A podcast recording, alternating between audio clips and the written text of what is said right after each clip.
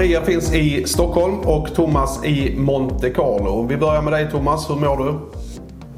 Jag mår bara bra. Eh, vi, har det, ja, vi har det ganska bra här nere faktiskt. Eh, som jag sa innan så eh, vi, ja, med viruset så vi, vi, vi är tvungna att bära mask hela tiden. När vi är, faktiskt även när vi är ute och går. Enda gången vi inte behöver bära mask är när vi springer. Men annars så är det väl ganska, det känns ganska normalt. Man får inte eh, käka middag tillsammans. Eh, eh, där de restaurangerna är stängda. Så det enda gången man kan socialisera lite det är på lunchen. För lunch får man käka tillsammans. Så att, eh, det, det känns ganska bra faktiskt måste jag säga. När det gäller aktiviteter, träningar, tennisträningar tänker jag. Hur har det sett ut? Eh, tennis får du spela och du får även spela paddel. Eh, fotboll har de väl öppnat nu tror jag, lite smått. Framförallt för de som eh, de lite yngre. Eh, så att det, just i Monaco känns det som att det går åt rätt håll, måste jag säga. Men i övriga världen så känns det nästan som att man går bak, bakåt. Det är lite känslan. Ja, jag, tycker, jag tycker det. Nu i Frankrike här, som ligger precis runt hörnet höll jag på att säga, så pratar de ju lite med, om en, en lockdown igen i vissa områden. Och det området som typ Nice här omkring, eh, Nice, Antibes, eh, Cannes eh, är ju ett område där viruset har spridits ganska ordentligt. Och det har ju också mycket att göra med att det är där många turister åker ner. Många har hus här nere också. Så att det är många som rör sig i det här området. Eh, hur länge är det du har bott i Monte Carlo nu? Jag har bott här sedan 97 tror jag. 96, 97. Just det. Och för de som... Fråga mig, frå, fråga mig inte hur franskan är. Det, Hur är franskan? Hur är franskan? den kan vi lämna. Den kan vi lämna. ja. Eh, Men du, eh, för de som inte vet, hur ser familjelivet ut? Vi har två barn. Lukas som är 14, Celine som är 11.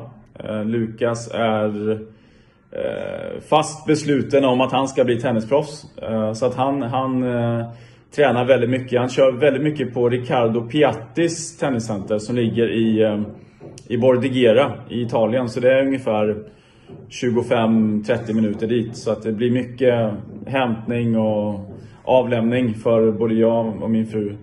Ehm, min dotter, hon spelar tennis två gånger i veckan. Hon är väldigt tjejig, gillar att dansa och gymnastik och, och sådär. Så att hon är... Ehm, ja, och TikTok då. TikTok får vi inte glömma. Det är hon ju nog världsmästare på faktiskt, måste jag säga. Så det, vi har en sån här konstant fight, jag och min fru med, med mobiltelefonen där hemma. Det, det är kaos, men det vet ni säkert hur det är hemma också. Vi vill se en liten TikTok-dans här med Thomas och Maria efter, precis i slutet på programmet. Det, det kan bli, vi kan få några klicks eller vad är det man får på TikTok? Jag vet inte ens. Ja, jag, vet, jag vet inte om det är likes eller om det är tummen ner. Tummen ner ner. Det räknas Jag och min dotter har faktiskt ett, ett konto tillsammans så jag lovar att inte ge ut det namnet på kontot.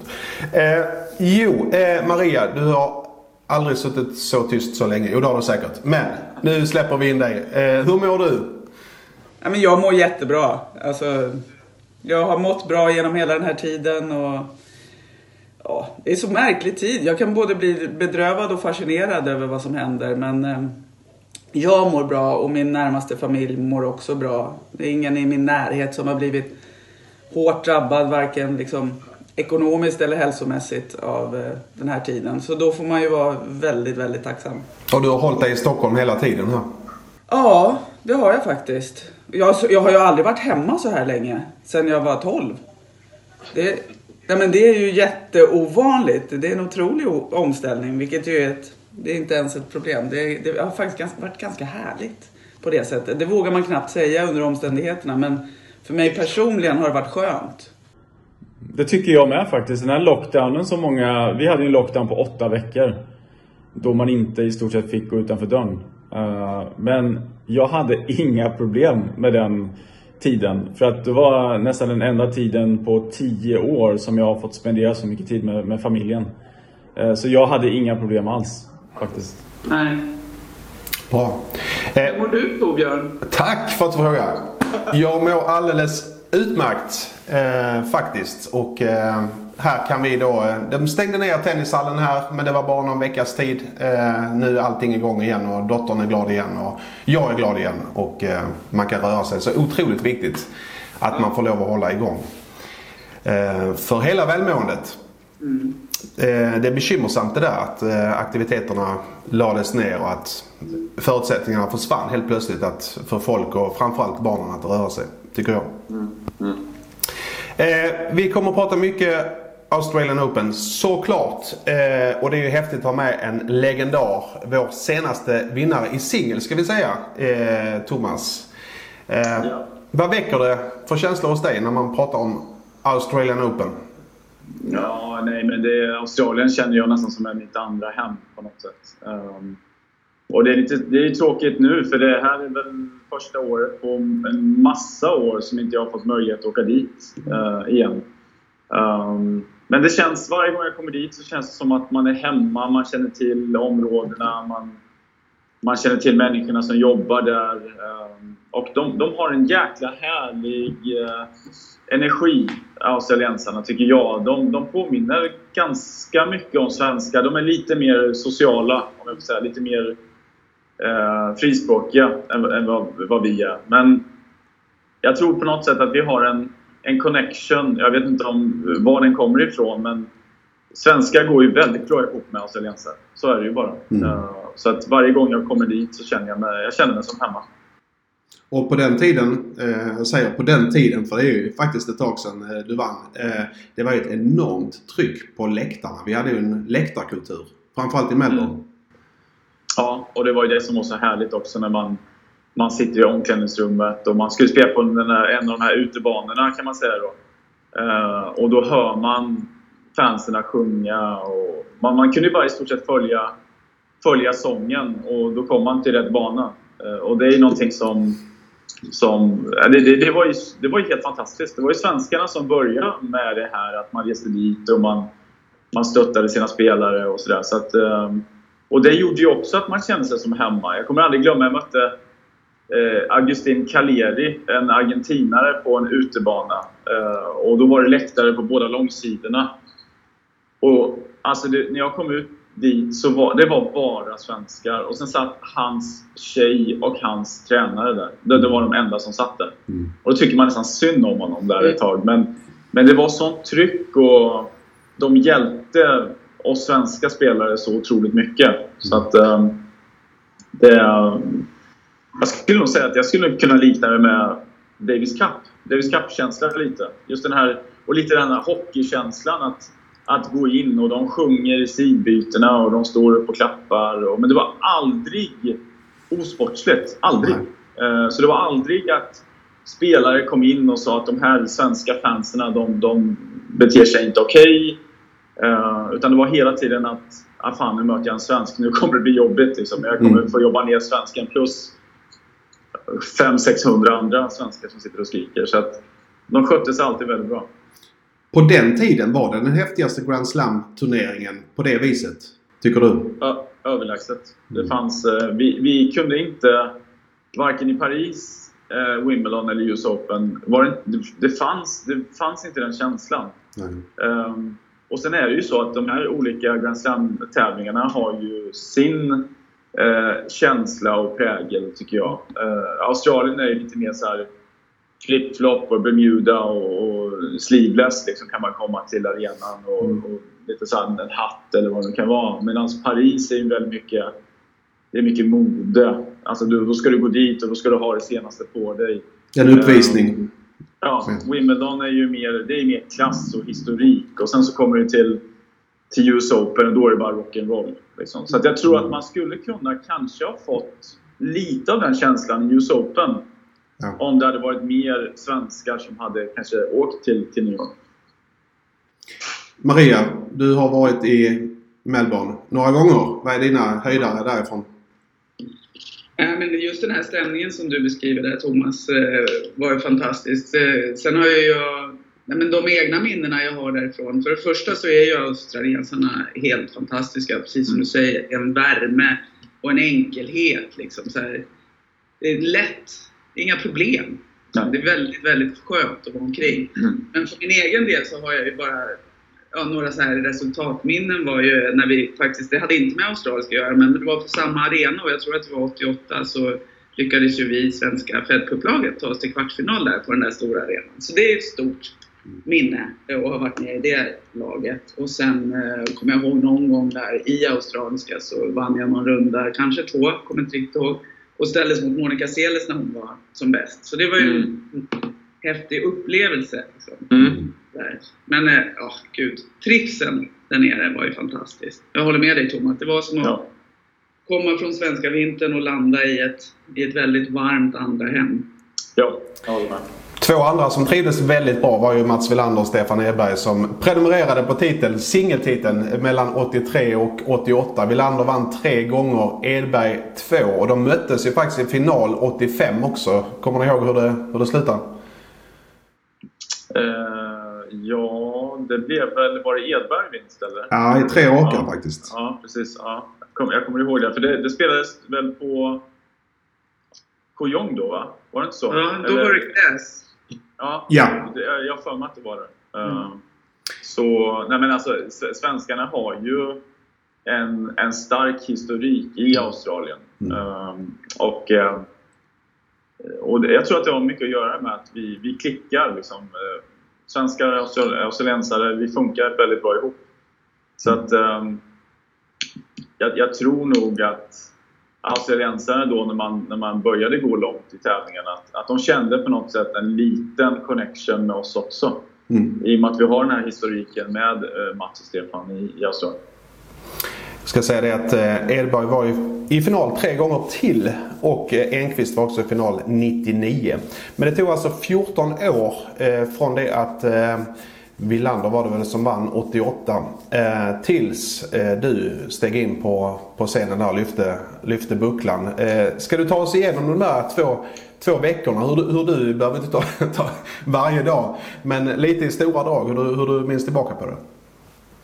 Ja, man, man, en lång historia kort så kan man väl säga så här att innan jag åkte till Australien så var jag väldigt förberedd fysiskt. Jag var väldigt, väldigt stark eh, i, i, i kroppen, kändes jättebra. Eh, spelet fanns inte där, eh, konstigt nog. Och jag var och spelade två tävlingar innan och jag betedde mig dåligt på banan och dålig energi. Och, så efter, efter den tävlingen som var precis innan Australien så sa jag till Magnus Tideman då, Margot som var min tränare, att vi, vi skiter i det här, vi åker hem. Jag sa, jag kan inte spela här, det, det funkar inte liksom. Men sen hade vi ett snack och sen körde vi några pass och kände kanske mer att spelet började komma lite. Eh, första omgångarna var, första två omgångarna framförallt skulle jag säga, var inte bra alls spelmässigt. Men jag kämpade och slet och kroppen kändes bra. Jag kände mig stark. Och sen från tredje omgången, det var då saker och ting började hända. Ehm, då började jag känna liksom att spelet började komma. För att jag hade haft en bra försäsong. Så det fanns ingenting som sa att jag inte kunde spela bra. Men, men inte huvudet där och, och du, du inte trivs med dig själv, du trivs inte med, med ditt spel och du, du letar och letar och letar och du verkar inte hitta det. Men sen hade jag tredje omgången mot eh, han marockanen, eh, El Ainaoui heter han, som jag hade haft problem med innan. Eh, den matchen, då vände det. Efter det så var det precis som att kroppen bara, liksom, det bara, det bara släppte. Och sen blev min nivå bättre och bättre och bättre ju längre eh, tävlingen gick. Sen var det svårt. Skulle jag säga två grejer var svårt. Dels kvartsfinalen mot Jonas Björkman som är en av mina bästa vänner.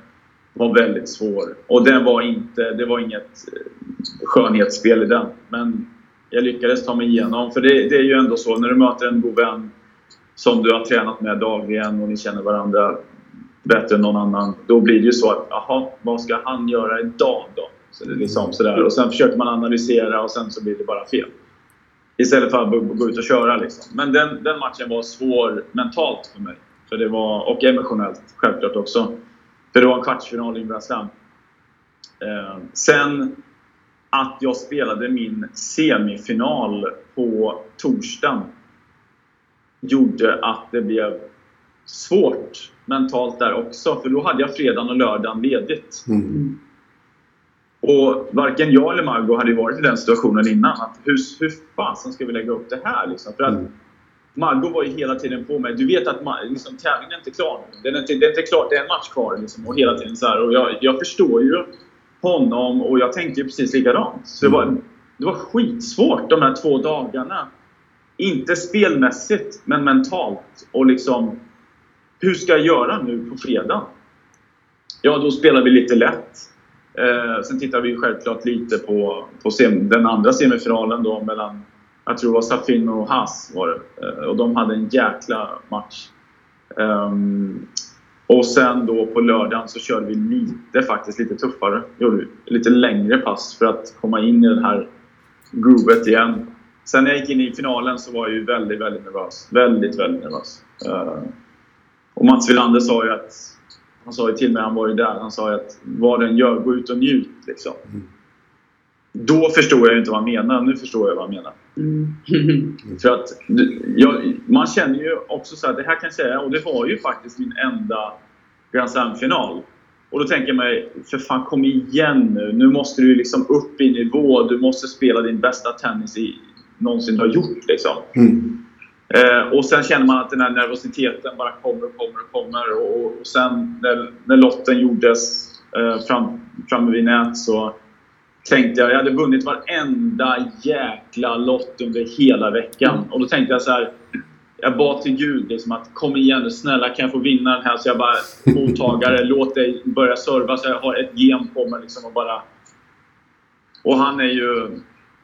Vi är ju väldigt, väldigt goda vänner. Och, och både under tiden vi spelade och även nu efter våra, våra karriärer, jag och Marat. Så han vann ju lotten. Sen tittade han på mig och sen log han bara och sa han I receive, sa han då. Och då tänkte jag, fan också, nu kommer jag.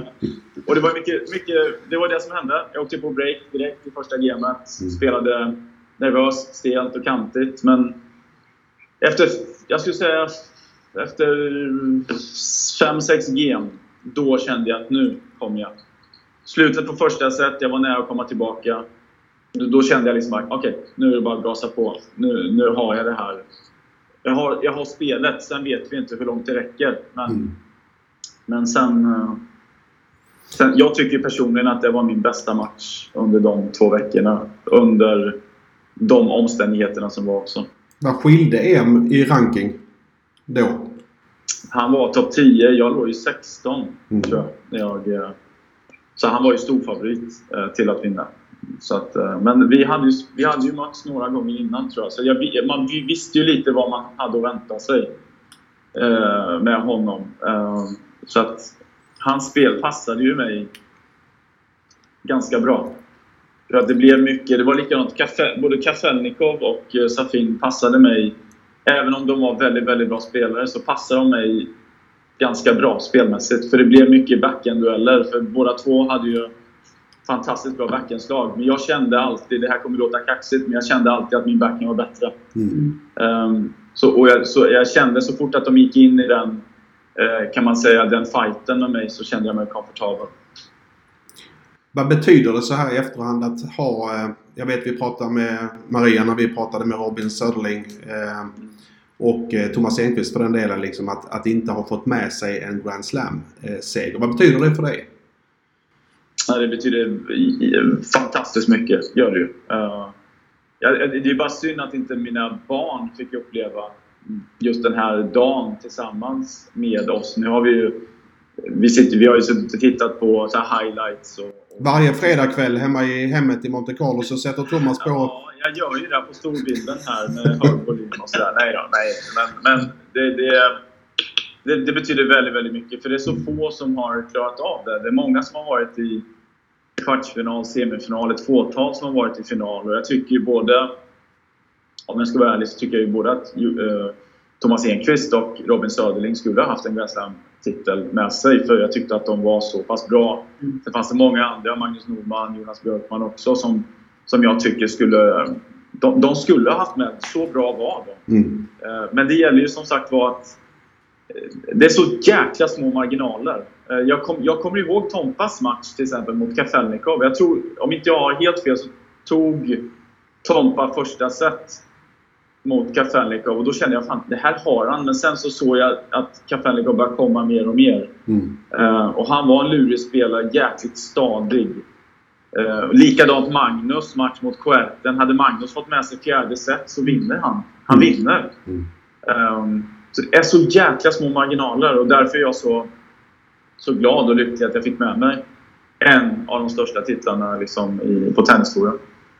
Ja, men det jag tycker är, det, det, allt det du berättar är intressant. Men jag tycker den här, det som många tror när man spelar just Grand Slam-tävlingar på här sidan att man får de här två, två dagarnas vila. Tror ju alla är en sån otrolig fördel.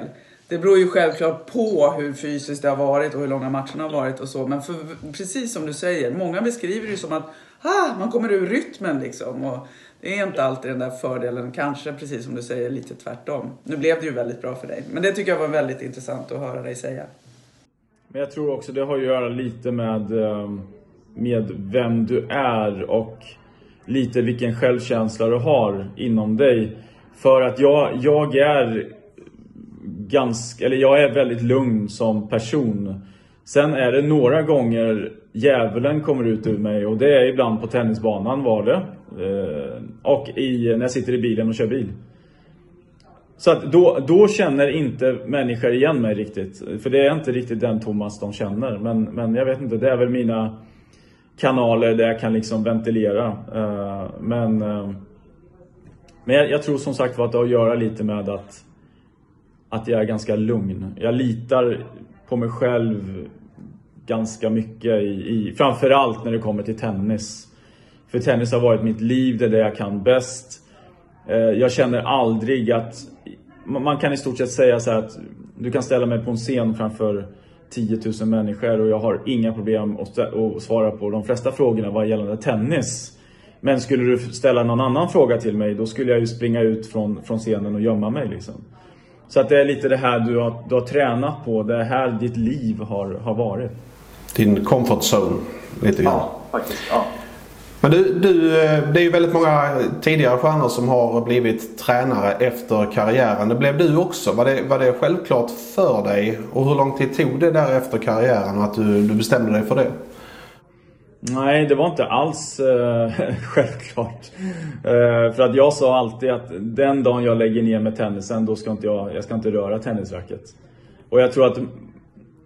Nej, jag tror att det är många med mig som har sagt det och jag försökte eh, hjälpa tennisspelare som kanske hade två, tre år kvar av sin karriär och de sa jag är så jävla trött på det här jävla skit liksom med tennisen och det funkar inte och det är jobbigt att resa och jag sa en sak ska du veta, det, du har världens bästa jobb. Och när du är inne i den här bubblan så, så känner du inte det. Eh, men när du tar ett steg ut ifrån den här bubblan så förstår du vilket fantastiskt liv du har haft. För du har fått göra det du älskar och det du vill göra och du har tjänat pengar på det. Du har rest runt om i hela världen och, och skaffat dig relationer överallt som gör att det kan hjälpa dig så mycket i ditt, i ditt andra liv om man säger. Eh, så att det tog ett tag eh, innan jag eh, Ganska tätt efter min karriär började jag faktiskt jobba med, med både Stockholm Open och Swedish Open. Men då var jag aldrig på banan utan då var det mer att jag försökte lära mig lite den affärsmässiga biten av eh, evenemang och om tennis och sådär. Så att, men så här är det, tennis är ett gift. Som vi har, som vi alla tennisspelare har i blodet. Och det går, det går inte att komma undan. Det, det kommer, det kommer. Och, och som jag säger när många lägger, lägger ner, de säger att jag kommer aldrig jobba med tennis. Och då blir det så här, ring mig om sex månader så får du se vart du är någonstans. Liksom. Så jag tror att det här är någonting, det, det ligger i ens DNA. Det, det, går inte att komma ifrån och det är som jag säger, det, det har gett mig så mycket. Um, och ger mig fortfarande väldigt mycket idag. Ja, för du har ju coachat många spelare. Vilka spelare är det du främst har jobbat med? Vilka har varit dina längre samarbeten? Mitt längsta samarbete var ju med eh, David Goffin. För vi jobbade ju tillsammans under två omgångar kan man säga. Så vi jobbade ju tillsammans eh, 2016. Eh, men då var vi ju två tränare på, på David. Då var det ju hans tränare som han hade jobbat med i 10-12 år. Men då kände de att de, var, de ville ha någon någon ny röst i teamet. Så det var därför jag hoppade in. Jag var ju mer som en, kan man säga, en liten ja, konsult eller eh, ja, eh, mentor eller vad man kan säga i det fallet. Jag hade ju inte huvudansvaret över, över David då. Men sen började vi jobba tillsammans igen 2019. Och då var det bara jag som, eh, som jobbade med honom. Då hade jag huvudansvaret över honom. Och, eh, så att David är den killen som jag jobbat längst med. Sen jobbade jag ju ett, ett tag med Caroline Wozniacki. Jag jobbade ett tag med Borna Coric. Jag jobbade ganska länge faktiskt med Maria Sakkari. Grekiska tennisspelare. Ehm, så att det som är lite, kan man säga, unikt i min tränarkarriär, det är väl att jag har varit på båda torerna. Det är inte så många som har varit, men jag ser det som att man måste se till spelaren. Jag, jag, för mig spelar det inte så stor roll om det är en, en, en man eller kvinna. Ehm, sen är det lite vad jag, har lär, vad jag lärde mig både av min tid med Caroline och med Maria. Det är lite hur man kommunicerar mellan kvinnor och män. Ehm, och det har ju hjälpt mig nu också. Ehm, hur just det här hur... Kvinnorna är mer emotionella. De tänker mer liksom, det är mer känslor, det är mer... Medans men killarna i det här fallet är mer liksom tekniskt, taktiskt, eh, liksom, vad var det som gick fel? Så att jag tror, jag tror att jag har blivit en bättre tränare av att vara på båda torerna. Vi, vi går in lite på årets Australian Open, tänker jag. Eh, det är väldigt speciella förutsättningar och, och förberedelserna för, för spelarna. Hur, hur tänker ni där? Vad, vad, vad har vi för tävling framför oss egentligen? Maria? jag tycker att det är svårt att ens svara på det. Mm. För vad sjutton ska vi förhålla oss till liksom? Mm. De har inte tävlat, de flesta av dem. Några har suttit i karantän i två veckor när det blir matchdags. Liksom. Några har suttit i tre dagar. Säkert väldigt olika förutsättningar för toppskiktet och det lägre skiktet. Jag tycker att det är spännande på det sättet att det här är en förberedelse som ingen Eh, har liksom kunnat förbereda sig på. Så att, eh, men samtidigt tror jag att det är de största namnen som säkert kommer vara där framme. Men det jag tycker man såg som var så intressant under förra året, och särskilt på damsidan men även på herrsidan, var ju alla de här lite sämre rankade spelarna som kan otroligt mycket tennis. Vad mycket de fick fram av sitt spel när de slapp gå in inför 12-13 000 åskådare på stora banor. Mm. Så det är ingen tillfällighet att vi har fått de Grand Slam-vinnare vi har fått tror jag, på damsidan särskilt. Medan det kan... Det gör ju att det blir väldigt kul att vi får liksom se de här jätteskickliga spelarna och inte behöva dela med den pressen, den yttre pressen som det handlar om. Mm. Och det, och det, är lite vice versa. Det är kanske lite jobbigare för, för stjärnorna som är vana vid det här stödet och kanske rider lite på det här. Och plötsligt... Mm.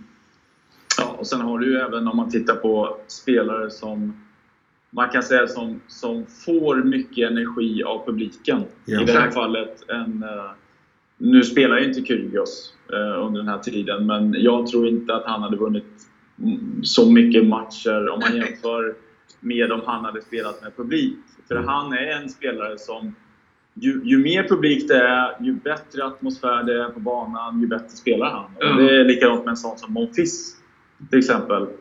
Och titta, Monfils spelar ju under den här perioden. Uh, spelar inte så mycket för han, han kom ju inte till vissa tävlingar. Han, han lämnade återbud innan. Mm. Men jag kommer ihåg vi tränade med, med eh, Monfils och man såg att liksom, energimässigt så var han inte samma kille. Nej. Så att jag tror att det är som Maria säger och jag tror att det är ännu mer i damtennisen för att lite av det jag lärt mig från min coachingkarriär att ibland bland damerna så är det lite mer fokus på hur mycket publik det är och, och eh, hur stämningen är och, och vilka TV-kanaler som sänder och, och, och sådana grejer. Och I det här fallet så är det liksom det är som en träningsmatch. Mm. Faktiskt. Mm. För jag menar, jag var i US Open första tävlingen då. Eh, Cincinnati var det ju, fast det var i US Open, eller i New York menar jag. Och det kändes så konstigt att sitta mm. på läktaren liksom, och, och försöka få den här eh, stämningen och, och tändningen på banan från spelarna också. Så de, de fick ju jobba mycket med sig själva, för det var ju i stort sett bara jag som satt på läktaren och sen motståndarens tränare. Eh, det var ju inte fler. Så jag tror att det är många som har spelat väldigt bra den här perioden, som Maria säger, utan publik. För det är ingen press, det är ingen publik. Eh, det är inte otäckt att gå in på banan längre, utan det här är som en, vilken tränings, träningsmatch som helst. Men vad tycker ni om det faktum att, att tourerna är, är igång? Nästan som vanligt, att man kan spela matcherna i alla fall. Jag tycker det är jättebra. Och jag tycker att... Um, jag blev lite irriterad när jag fick höra hur många av de här spelarna som, som klagade och, på att ja, de får vara i karantän och de, maten är inte okej okay och ja, det ena med det andra. Men man måste, man måste inse vilket jäkla jobb Craig Tiley har gjort och hela Australian Open har gjort för spelarna. De liksom chartrade plan, de som tog, försökte göra allt i sin makt mm. för att skydda spelarna. Och allt det här som de säger att de inte blir informerade om, det blev man informerad om. Mm. Eh, de visste om förutsättningarna när de, när de åkte dit och många säger om jag hade vetat det här så hade jag aldrig åkt. Det är bara skitsnack, då hade jag åkt ändå. Ehm, så att jag tycker att de har gjort det fantastiskt bra. Jag tycker det är roligt att tennisen är igång. Sen är det ju som ni båda säger att det är under andra förutsättningar. Men jag tror att det gänget som åkte till Adelaide eh, tror jag kommer ha lite försprång på de andra. Mm. Dels har de fått väldigt bra träning. De, de tränar mycket med varandra. Mm. Eh, de kom ut tidigare än de flesta. Eh, de får spela lite matcher i Adelaide också. Jag tror att de kommer ha lite försprång faktiskt. Ja, det är kanske tur att de inte kan släppa in så mycket folk då. Eh, med tanke på att spelarna inte är sådär jättepopulära bland befolkningen just nu. De som har klagat menar jag. Nej, och det är väl det här som jag hoppas att många får med sig också. Att det är, man ska vara så tacksam över att det rullar på. Att det finns arbetstillfällen för tennisproffs. Mm. Det är liksom, man ska inte gnälla över det. Det är bara att vara tacksam. Men då får man också anpassa sig efter de restriktioner som gäller i varje land. Liksom det, är, det kan inte finnas något annat sätt. Om, om vi ska ha lite svensk fokus. Vi har ju en kvartett, vad vi vet i alla fall, med Rebecca Pettersson och Cornelia Lister och eh, bröderna då, eh, Micke och Elias eh, Ymer med. Hur det blir med André Göransson och Robert Lindstedt vet vi inte riktigt va? Eh, men hur, hur ser vi på deras? Jag menar Elias satt i, i två veckor på sitt hotellrum. Inga optimala förutsättningar Eh, med tanke på att han då fick ett jättebra kval innan i Qatar. Mm. Spelade fantastiskt bra och eh, skulle då bara rida vidare på den. Vad, vad säger ni? Nej, jag, jag, tror det kommer... Det blir ju svårt för både Elias och, och Micke och ja, Cornelia och Rebecca. För men nu, nu, möter de de bästa spelarna i världen. De kan, de kan springa in i uh, ja, Osaka eller Djokovic eller Nadal ganska tidigt. Eh, men jag tycker det var jätte, jätteroligt att Elias kvalade in, för jag, jag såg ju hans, eh, hans lottning och många med mig tror jag kände att men, fasen, det här kan han ju liksom ta. Det här kan han ju fixa. Eh, men att man gör det sen är ju, är ju ännu roligare. Eh, så att ja, jag, eh, jag tycker det är fantastiskt skoj att vi har två killar i huvudlottningen. Det var ju eh, lite tag sen. Och det är de här två killarna som, som ska försöka leverera för Sverige. Så är det ju. Sen tycker jag personligen att både, både Elias och både, både Elias och Micke tycker jag skulle försöka investera mer i sin tennis. Eh, de skulle, jag tycker att de skulle ta, ta sig an en, en, eh, en väldigt erfaren, duktig tränare under ett år, göra en stor investering i det. För att båda har potential. Att de gör det. För båda är så jäkla bra.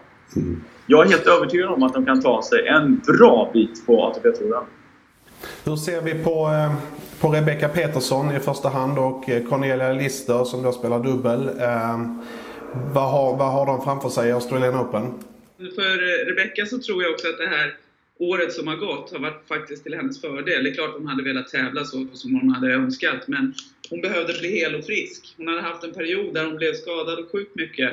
Och att få förbereda sig utifrån det, en frisk plats, det tror jag kommer liksom vara ovärderligt. Sen fick hon ju knappt några matcher överhuvudtaget förra året. Så det kommer inte vara lätt att gå ut och spela matcher, men hon är väl förberedd. Och det tänker jag, det är det enda man har kunnat göra liksom. Och sen får man ju bara hoppas att det här året på något sätt kör på så att det blir kontinuitet i tävlandet för dem. Det blir så otroligt eh, utmanande annars. Mm. Jag tror hon är väl förberedd. Och, och Cornelia, hon är grym i dubbel alltså. Så, vem vet vad hon kan stöka till med. Och bra målsättningar, och tydlig med att hennes mål är att vara kvar andra veckan. Så, och hon, hon kan verkligen spela bra dubbel. Så jag, jag, jag hoppas på alla de här fyra, att det liksom ska, ska rassla till. Men det är intressant att höra vad du tänker där om, om att investera i sin tennis. Det är ju någonting som, som man hör många efter karriären faktiskt ångra lite. Att man inte vågade ta de här bitarna, de ekonomiska bitarna. Att,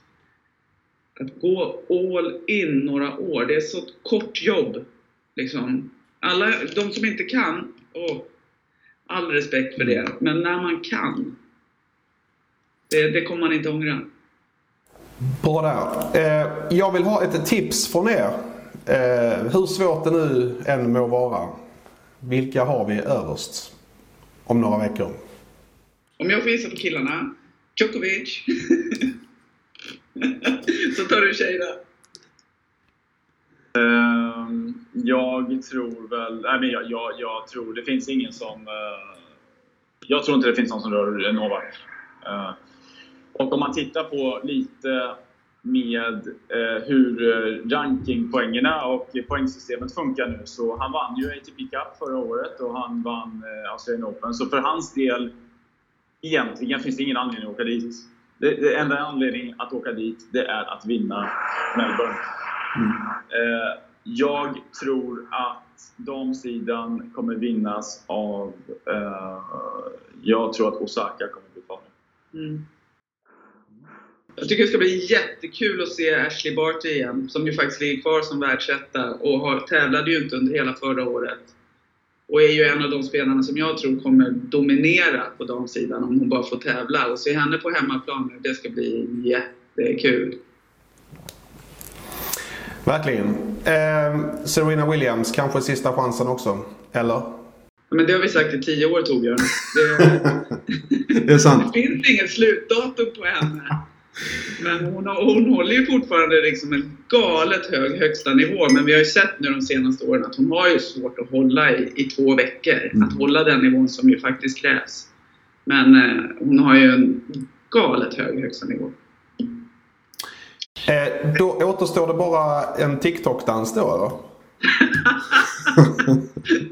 det, det är en annan podd. Nej, vi kan lägga... Den lägger vi ut sen. ja, det är bra. Eh, stort tack för att jag fick eh, störa er en liten stund i Stockholm och Monte Carlo. Och så vänder vi lite på dygnen snart då. Kommer ni, hur mycket kommer ni titta? Ja, Maria, det var en dum fråga till dig Maria. Göra nonstop nu i tre veckor. Turne- Förturneringarna i Melbourne och sen eh, australiska. Så jag kommer titta en del. Jag förstår. Ja, jag, jag kommer följa det på distans också och se lite vad som, vad som händer. Jag, jag tycker en kille som jag är väldigt imponerad av och som jag eh, tycker har ett jäkla bra spel så är Jannik Sinner.